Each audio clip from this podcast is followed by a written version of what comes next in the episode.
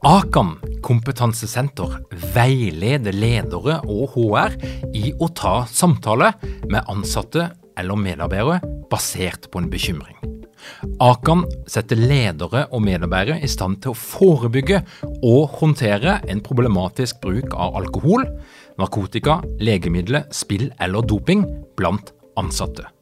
Ønsker du å lære mer om god forebygging og gjennomføring av samtale med en som du er bekymra for?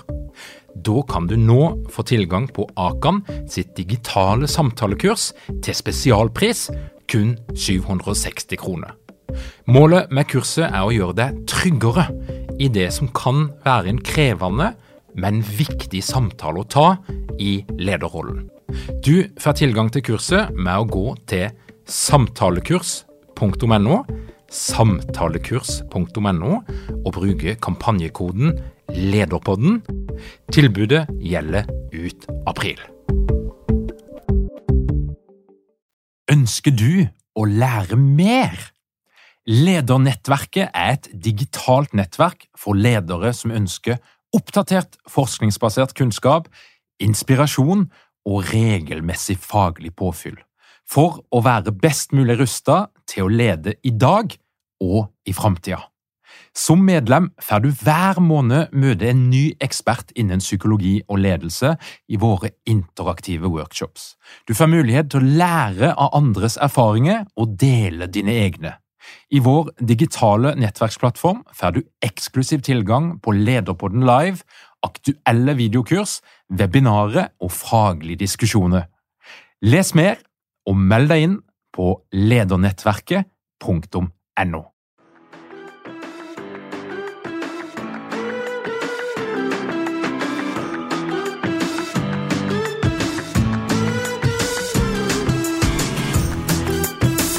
Velkommen til Lederpodden. Mitt navn er Tor Åge Eikerapen. Jeg jobber som organisasjonspsykolog, og dette her er en podkast om ledelse. Hvordan kan du som leder sikre at alle drar i samme retning? At vi når de målene som vi har satt oss, at vi vet hva de andre folkene i teamet holder på med, og at vi sikrer at vi bruker tida på en best mulig måte. Og et annet spørsmål som mange stiller seg, det er hvordan kan vi sikre at våre medarbeidere har en del av denne indre motivasjonen. Mange sier at svaret på alt det er OKR. Men hva er egentlig OKR, og hvem funker det for? Og hva er ja, det negative, hvis det er noe som helst? Det skal vi finne ut i dagens episode. Kim Leinan han er sjef for FutureWorks, og han er noe så herlig som en OKR-misjonær. Velkommen til Lederpodden, Kim. Takk, takk, eh, Tor Åge. Det var litt av en innledning, må jeg si. Det var helt fantastisk. Vel fortjent! Det er jo første gangen vi har en OKR-misjonær i studio, så det må jo markeres. Men, men hvordan, hvordan, endte du opp som en person som da lever og ånder for å spre det glade budskap og bygge systemet for OKR? Jeg tror det, det, startet ganske tidlig, egentlig. Vi var i 2010 hvor jeg eh, blei eh, veldig fascinert for både det med å drive eh, målstyring, coaching, være interessert i mennesker og måte prestasjon, kort og greit. Og da jobbet jeg i et selskap som heter Idium i sin tid. Da var jeg jobbet som salgsdirektør i det selskapet der. og var med da Idium i en reise med å bygge opp det selskapet til det det var i den tiden der. Og så, I den prosessen der da, så var det jo mange mennesker som jeg hadde både ansvar for og uh, lekte med i samme sandkasse. Uh, og, og, vi var jo veldig på det med å prestere, og da, eh, i den forbindelsen der, så var også mitt engasjement også mye hos menneskene, å få oss til både og Da var jeg veldig ubevisst på det, men det jeg holdt på med da, var jo egentlig det å få oss til å samhandle, spille bedre, jobbe sammen som et lag osv.. Sette mål, veldig kvantitative mål i den tiden der. Eh, og så, mens tiden gikk, så møtte jeg en som heter Håvard Helmen og hvor jeg blei veldig bevisst på Da ble jeg veldig bevisst på hva, hva jeg holdt på med. Eh, fordi han eh, greide å måte fange min interesse i det at, eh, og vise at eh, det du egentlig holder på med, Kim, det er egentlig eh, veldig god ledelse og på en måte bygge mennesker opp i en målstyringsprosess. og Da ble jeg veldig bevisst på det, og da begynte interessen min å gå inn i coaching. og Var innom ulike typer kurs innenfor både sertifisering av det å være resultatcoach, coach innenfor konsept, et par konsepter som jeg på en måte har vært interessert i. Jeg har vært innom Dale Carnegie og på en måte gjort en del ting der. Og jeg har også lest en rekke bøker eh, om faget. og og så gikk jo årene mens årene gikk, og til slutt så fanget vi opp eh, I Idiums regi så etablerte Jeg ble først kjent med OKR i 2013. Og da kom jo vår, eh, da kom jo CTO-en vår eh, løpende inn i ledermøtet og sa at hør, hør, hva Google gjør for noe.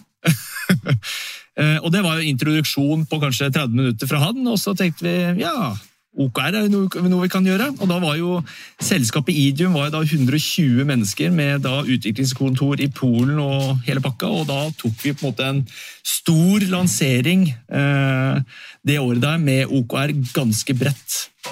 Eh, men det ble ganske kortvarig også, fordi der stoppa prosessen ganske fort etter en, eh, ni måneder. fordi at den brede lanseringen der er jo også en av mine sterkeste eh, refleksjoner av OKR. At eh, skal vi starte med målstyring, så er det anbefalt å starte smått.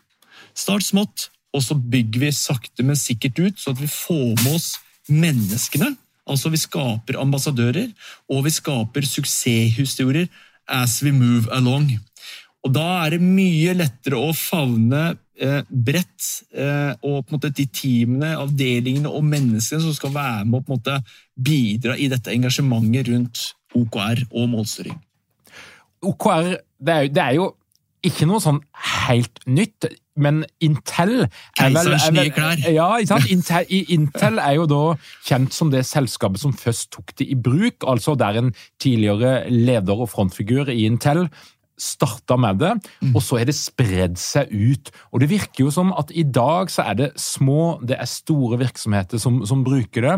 Men, men, hva er det folk klarer å få til med hjelp av dette her systemet, som de ellers ikke klarer? Mm. Jeg vil jo bare fortsette det du sa litt sånn der først, da, Tore, at det, er jo ikke noe som jeg sa, sånn, det er ikke keiserens nye klær. Det har eksistert siden 60-tallet, som du var inne på nå. Og Andy Groove som på en måte tok dette her videre fra Management by Objectives fra Peter Drucker sin tid. Og så var det da John Dore som presenterte dette til Google på 2000, og så skrev han en bok som heter Measure What Matters. og Derfra på en måte har OKR-ene blitt tilpasset og iterert underveis, fordi det finnes så mange typer modeller som folk kan tenke at dette er jo, dette er jo det. Men det, dette er jo det, så du har veldig mye likhetstrekk mellom ulike typer ting. Men sånn som jeg har sett dette her, er jo at objectives and key results er mer en måte å gjøre best practice målstyring. Mm. Uh, og, og, og, og, det som jeg opplever at uh, bedrifter da får av selve implementeringen av OKR, er jo et Jeg kan kalle det, jeg kan summere opp i uh, uh, the, uh, the, Five Superpowers of OKRs, altså The Facts, altså FACTS. Uh, og vi får jo et, et, et, ekstremt fokus på de riktige prioriteringene vi trenger å jobbe med akkurat nå for å få løfta de løfta vi ønsker å gjøre i løpet av et års tid. Og vi får et, vi får et stort rom for samhandling, fordi at skal vi på en måte løfte noe, skal vi på en måte fokusere på noe, ja, da trenger vi å komme sammen. Vi trenger å komme sammen, både i avdelingene i teamene våre, men det gjør også mulighet for at vi på tvers kan begynne å samhandle for å få en bedre eh, fremgang og på en måte engasjement og prioritering på OKR-utviklingsprosessen, for det er det det egentlig er. Det er en utviklingsprosess som ikke stopper, som ikke har noe end date. Eh, og så er det det siste, det at vi kommer sammen, vi fokuserer, så gir, så, og at vi får på en måte satt at vi får engasjert oss selv i å sette disse målene her, så også vil også commitmentet komme. da. Eierskapet vil også utvikle seg i den prosessen her til disse målene, som vi da kontinuerlig over tid i løpet av et års tid vil jobbe med og, og på en måte hele tida være bevisst på. Og så er det da de to siste tingene, altså T-en og S-en, altså uh, tracking and stretching. som uh, T-en er jo mer da, det at du måler ting, gjør jo at vi får en transparens. transparens. Og det blir, det blir ikke en sånn typisk sånn greie som det har sikkert du også opplevd før, Tor og kanskje noen av lytterne der også. sånn Set and forget. Vi har en eller annen strategisamling på en eller annen hytte eller et hotell, og så er det en ekstremt verdifull setting som, uh, hvor, hvor, mange mennesker, ledere, gjerne kommer sammen om noe som vi skal gjøre dette året eller disse to-tre årene her. Og så blir det dokumentet litt sånn ja, det, det ble Den samlinga der så ble det et skuffeprodukt og så sitter vi og ser oss selv i korta, kanskje en tre, fire, fem, seks, et halvt år eh, i korta, og så og Hva er som har skjedd her? Eh, ingenting, nei, ingenting har skjedd, nei. Det er ikke, vi har ikke jobba med det. Eh, men det at vi får en transparens og vi måler OKR-ene våre og har en struktur i forhold til hvordan vi følger opp, gjør jo at vi får en bevissthet. Og jeg tror at den bevisstheten der er såpass mye sterkere enn målene i seg selv. Fordi at når vi blir bevisste, vi kommer sammen, vi ser på hva som er de viktigste tingene, og vi greier å kommunisere dette her internt i selskapet, så vil engasjementet komme. Så vil resultatene komme. Og så vil folk begynne å eh, bli med i prosessen. Og det krever jo disiplin og ikke minst utholdenhet. At det er liksom the long run som på en måte er liksom avgjørende her. Og Så er det siste biten, som er S-en, som er stretch, som er liksom de mest, mer de ambisiøse målene. Fordi i OKR-setting så skal jeg ikke si at man skal sette altfor skal sette ambisiøse mål, men jeg fra mitt, fra mitt perspektiv og min, liksom, hvordan jeg ser det, så tror jeg at det er fint å sette tøffe mål som også det er en realisme å oppnå. Fordi Ellers kan du ha en sånn liksom motsatt effekt, at du mister motivasjonen. Nei, nå greide de ikke en til. Nei, nei ikke nå igjen! Så litt realisme syns jeg er fint. Kim, når jeg snakker med, med, kunder, så er det litt sånn Folk er på litt ulike steder. Og, og, nå har jeg lyst til at du skal snakke til de som aldri har hørt om det før. Mm. Så tenk nå at du ikke visste noen ting om eh, OKR i det hele tatt.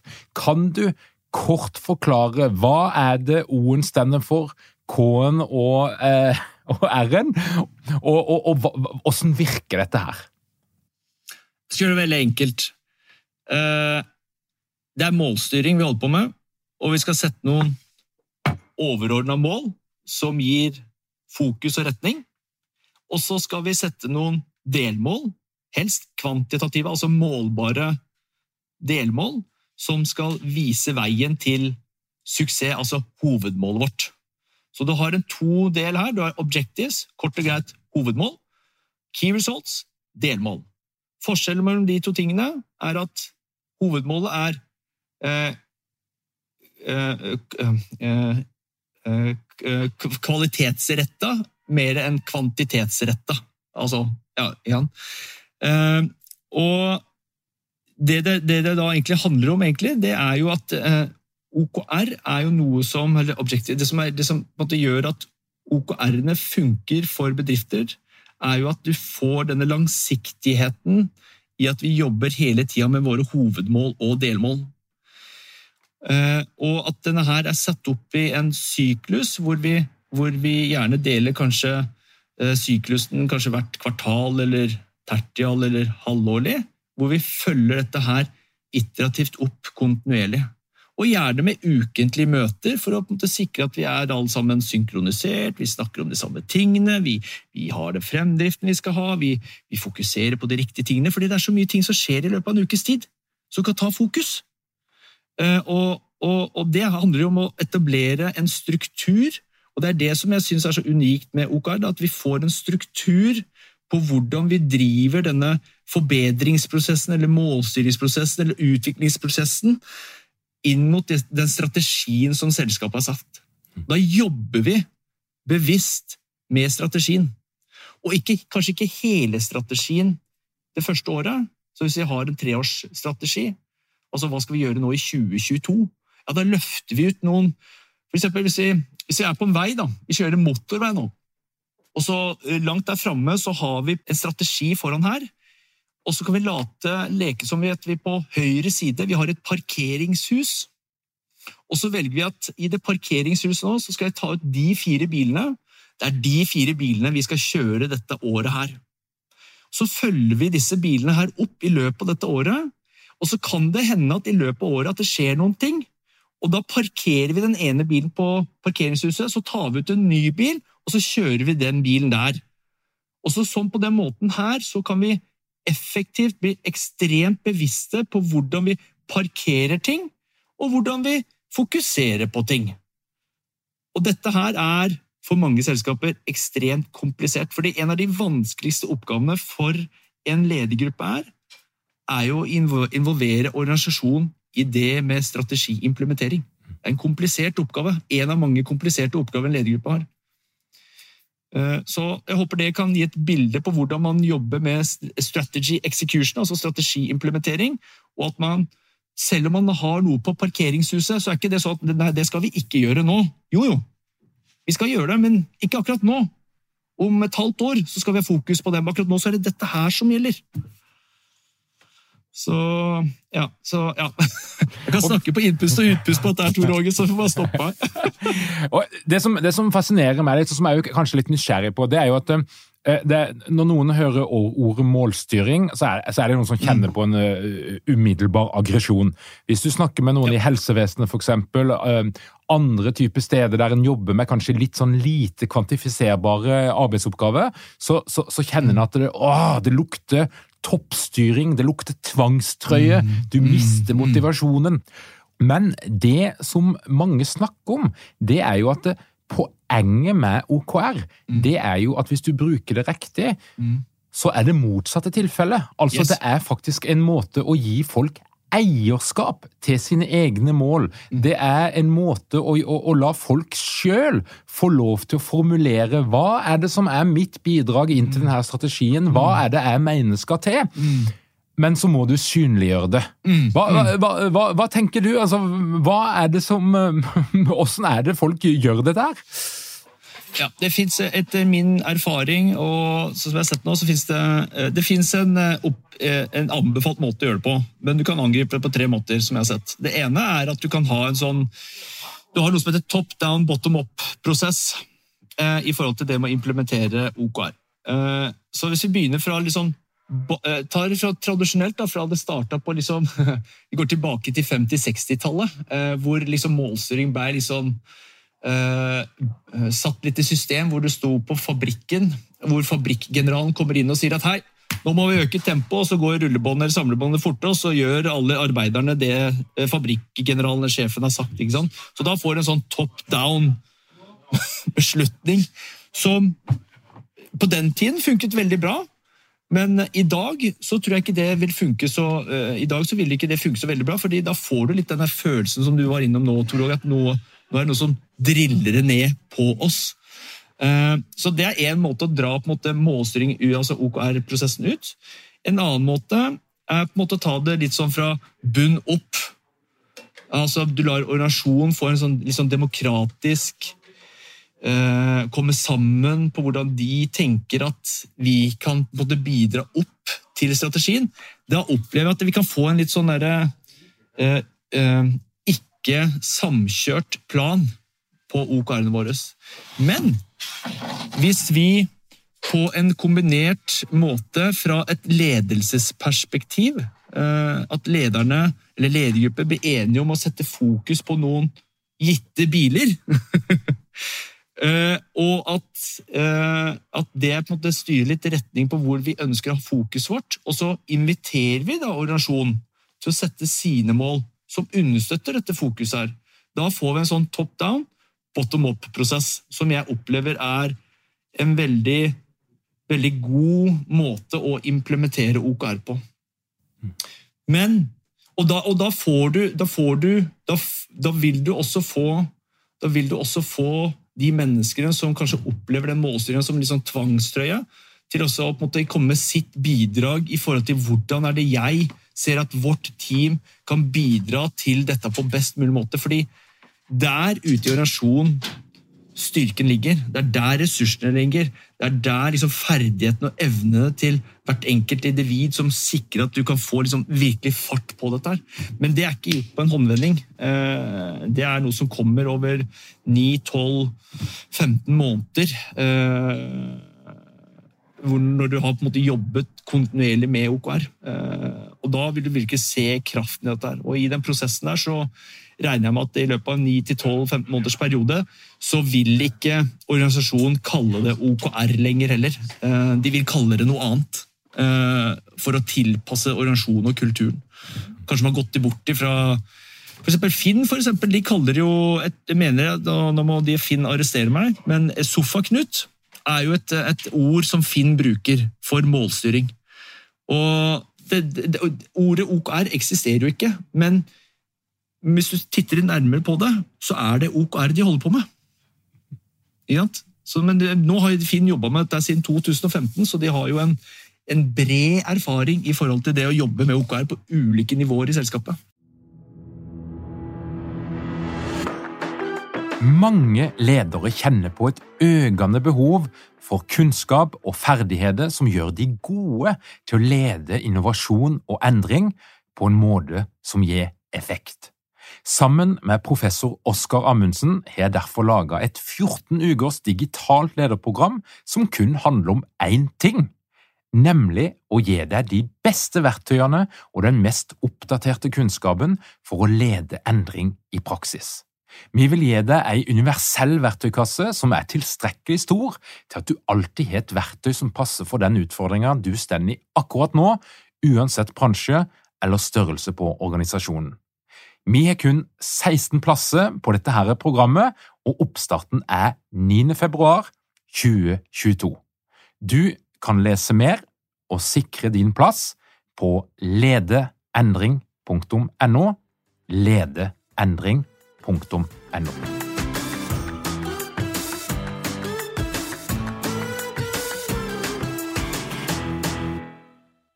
Og så vet vi jo det, da, at, at det blir jo bråk alltid når du skal innføre en ny måte å jobbe på, en ny måte å tenke på, og, og her er det spesielt duka for trøbbel. for det at Eh, det jeg har skjønt om OKR, det er at det handler om transparens, transparens som du sa i stad. Altså, mm. du synliggjør hva du holder på med, du synliggjør dine arbeidsoppgaver, hva du holder på med, i hvilken grad du har nådd målet ditt. Det mm. kan alle i ditt team, mm. eller kanskje alle i selskapet, kan gå inn og se på det. Mm. Og Du kan gå inn og se på din egen sjef, hvordan ligger mm. sjefen an med, mm. med sine mål.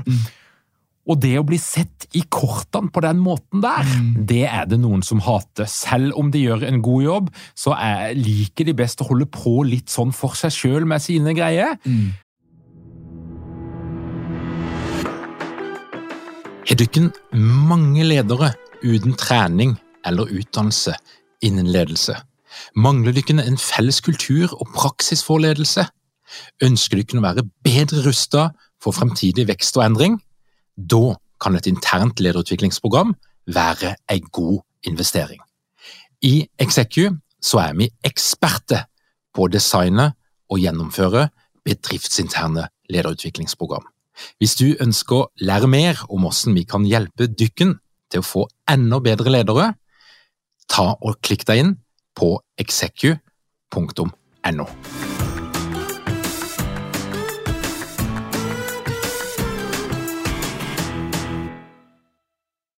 Hvordan håndterer en dette her? Jeg tror at eh, kommunikasjon eh, fra starten av er en viktig faktor for å implementere OKR. Eh, jeg opplever at når organisasjoner har eh, både kommunisert det eh, over tid, de har kanskje, kanskje gitt noen relevante Eh, tips til noen steder de kan lese seg opp. Organisasjonen kan lese seg opp. Eh, de har kanskje delt ut noen bøker. Jeg opplevd at Flere versjoner har kjøpt inn Measure What Matters og Radical Focus med Christina Wotke som bøker som må lese til folk som er interessert, og for å vise og bygge kompetanse og kunnskap rundt OKR.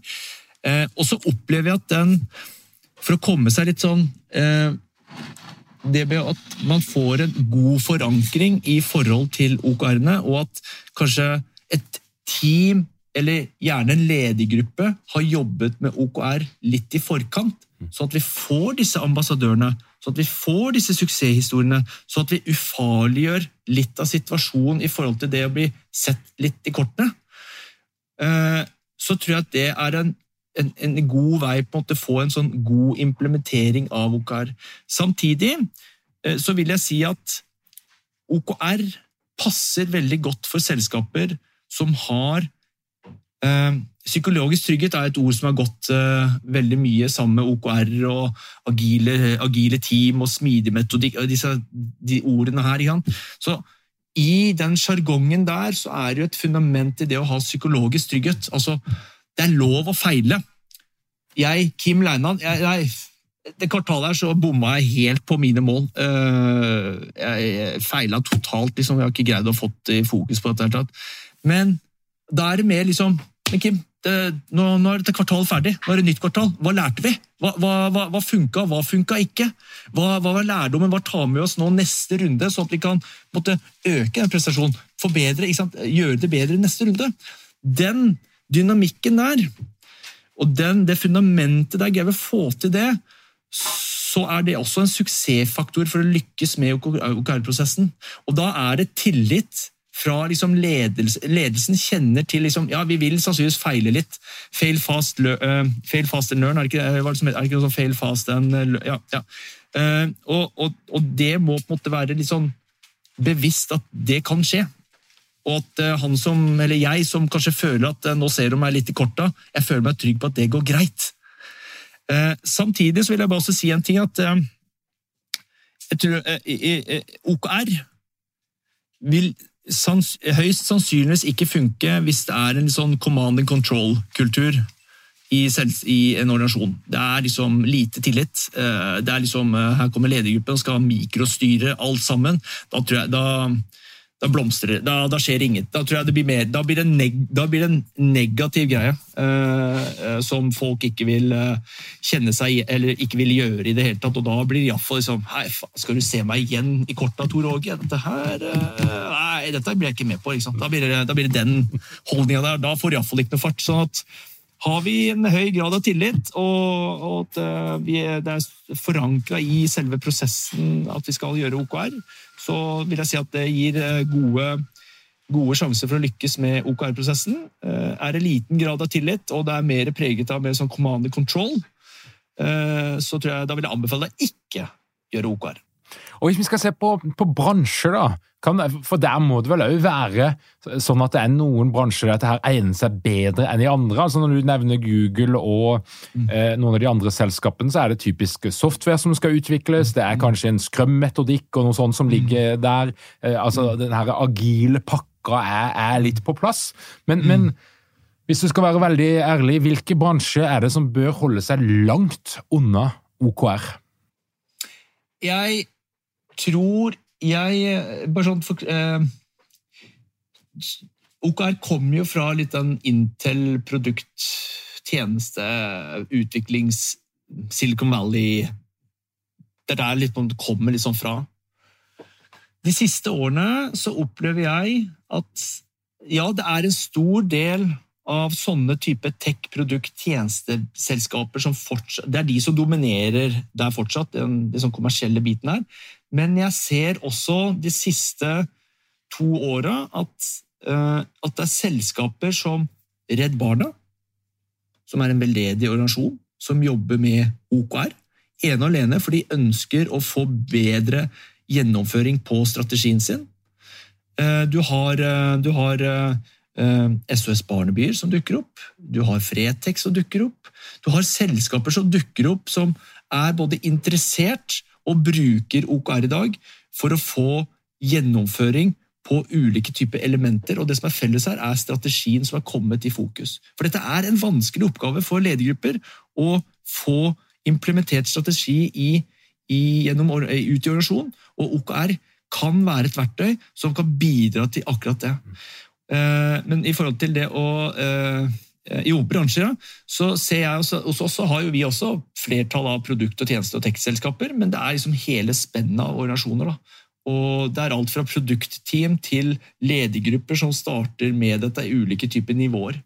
Så jeg opplever at det har beveget seg ganske mye fra det liksom innledende Silicon Valley tech-utviklingsmiljøet til mer at det er også ikke bare det kommersielle pengeselskapene eh, som gjør det, men også da veldedige og andre typer selskaper som ønsker å få engasjert folka i selskapet.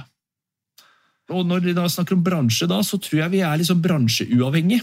Jeg tror at så lenge det er folk i selskapet, så kan OKR funke. Om du har psykologisk trygghet, eller du har en tillit, du har en, liksom, en organisasjon hvor det ikke er preget av høy grad av styring, altså command and control, så tror jeg at da, da kan det passe veldig fint inn. Men man må finne sitt. Man må finne hva er det vi skal bruke OKR til. For det, det er ulikt fra selskap til selskap. Og de feilene som blir gjort, da. For da, du sa noe innledningsvis om at i, i back in the days i Idium, ja. så, så, gjorde du ikke den feilen at du kunne rulle det ut ifra ledelsen. Eh, det var toppstyrt så det holdt, mm -hmm. og det gjorde òg at, at, det ikke ble så bra som det det, det kunne blitt. Du mm. sier noe om at det må være en viss grad av tillit i organisasjonen for at det skal funke. Hvilke, hvilke andre ting er det som enten må være på plass, eller som er klassiske tabber, som mange gjør når de blir veldig ivrige på å få ut OKR, men der de kanskje ikke gjør den nødvendige jobben først. Ja. Eh, et, eh, et, ord som kanskje også går igjen i forbindelse med både psykologisk, psykologisk trygghet og smidigmetodikk og agilt og alt sammen, og OKR for den saks skyld.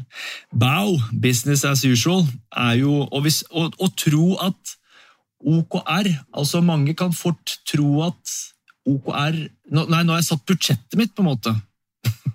Det er ikke OKR. Da er, vi, da, er vi, da, er vi, da er, vi, off med en gang. Det er ikke budsjett vi snakker om her.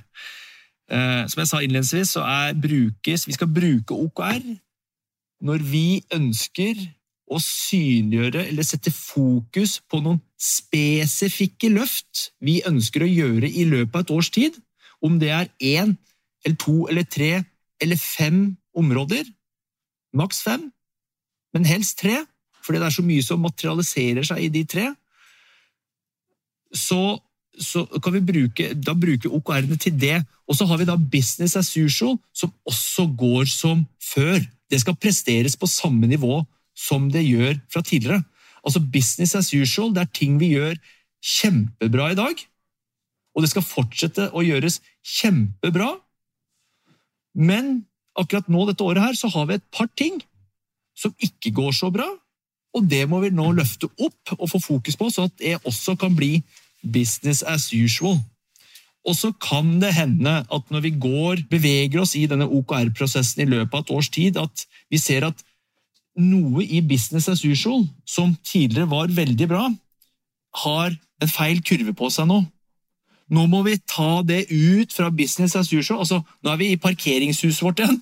Nå må vi ta det ut, og så må vi sette fokus på dette her sånn at det har den riktige kurven sin som det skal ha. Så kan vi flytte det til ned, tilbake til business as usual igjen. Så Det å tro at OKR er business as usual, det er feil. Det er en fallgruve. En annen ting er at uh, vi har en sånn set and forget-mindset. Vi, vi, setter målene våre, og så glemmer vi det, så gjør vi ikke noe med det. Vi snakker ikke om det. Vi, vi snakker om det kanskje et, en gang i halvåret, eller vi gjør ikke noe med det. Da, da blir det sånn at da, da, blir det den typiske snakkisen her, da. Nei, vi har satt så, Dette her tror jeg ikke noe på, Kim. fordi at vi har satt så mange mål, at vi har satt, hatt så mange sånne målprosesser og konsulenter inne som har hjulpet oss med målene at nei, nå gjør vi dette her for tredje gangen, liksom.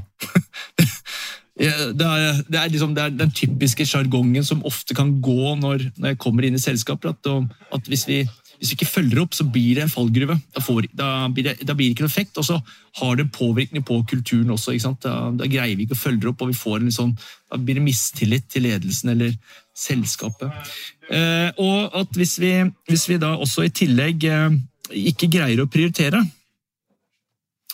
eh, At vi har en sånn Vi tror at alt er like viktig så vil også det være en sånn fallgruve som jeg opplever at vi kan liksom, Det blir sånn Ole Brumm-tendenser. At uh, litt her og litt her overalt. Men uh, det, vi må greie å prioritere. Vi må greie å sette noe i fokus, og så må vi bruke dette parkeringshuset vårt ganske effektivt i løpet av et års tid. Og hvis ikke ting er transparent, så opplever jeg også at eh, folk i organisasjonen mister innsikt, mister liksom engasjementet og samarbeidet som vi så fint kan oppnå med, med OKR. da. Mm. Og Dette her krever jo at du må ha en eller annen et system som handler om noen ritualer, noe som du gjør. Om det er mm. standup-meetings der OKR-ene er på tavla, eller hva det nå er for noe. Mm. Og så trengs det jo sannsynligvis noe software både for, altså for, å få dette her til å henge i hop. Mm. Ja.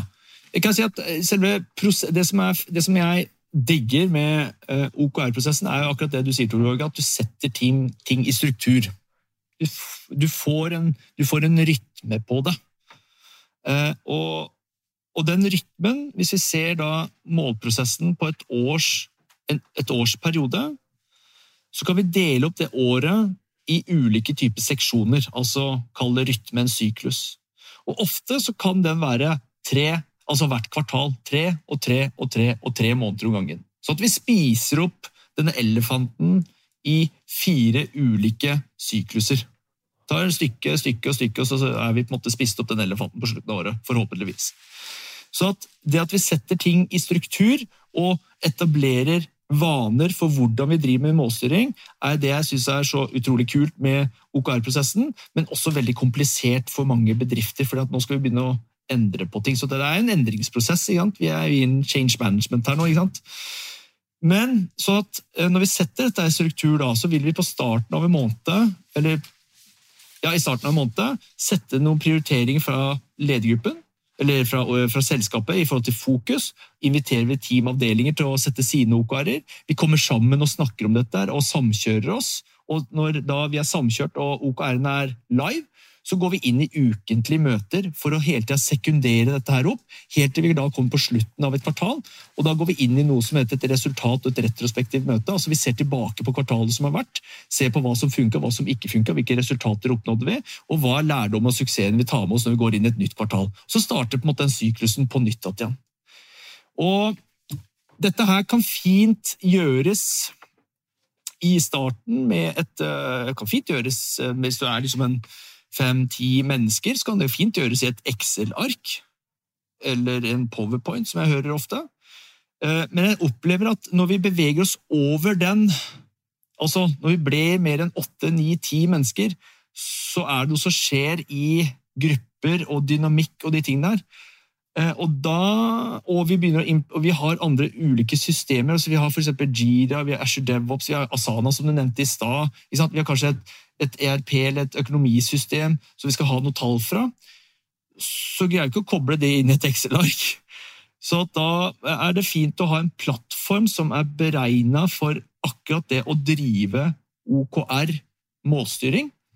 Eh, og på en måte eh, hvor mennesker som er involvert i prosessen, og de som kanskje ikke er involvert, får mulighet til å titte inn kan se og samkjøre seg og aligne seg mot disse felles målene og den overordna strategien til selskapet. Og Da kan vi hente inn data fra andre ulike typer systemer og på en måte samkjøre dette her inn i én plattform. Og da får du, som vi sier, one platform to bind them all. Så for mange av dere nå som lytter på, så har dere sikkert hørt Ringenes herre. One ring to bind them all. Vi er one platform to bind them all. Ja. Og der kom gründeren og salgssjefen inn i podkasten! Det er veldig bra, Kim. Um, hvis, du, hvis, det er ledere som lytter på, og dette her vet jeg jo for mange av mine kunder, de er i denne prosessen akkurat nå.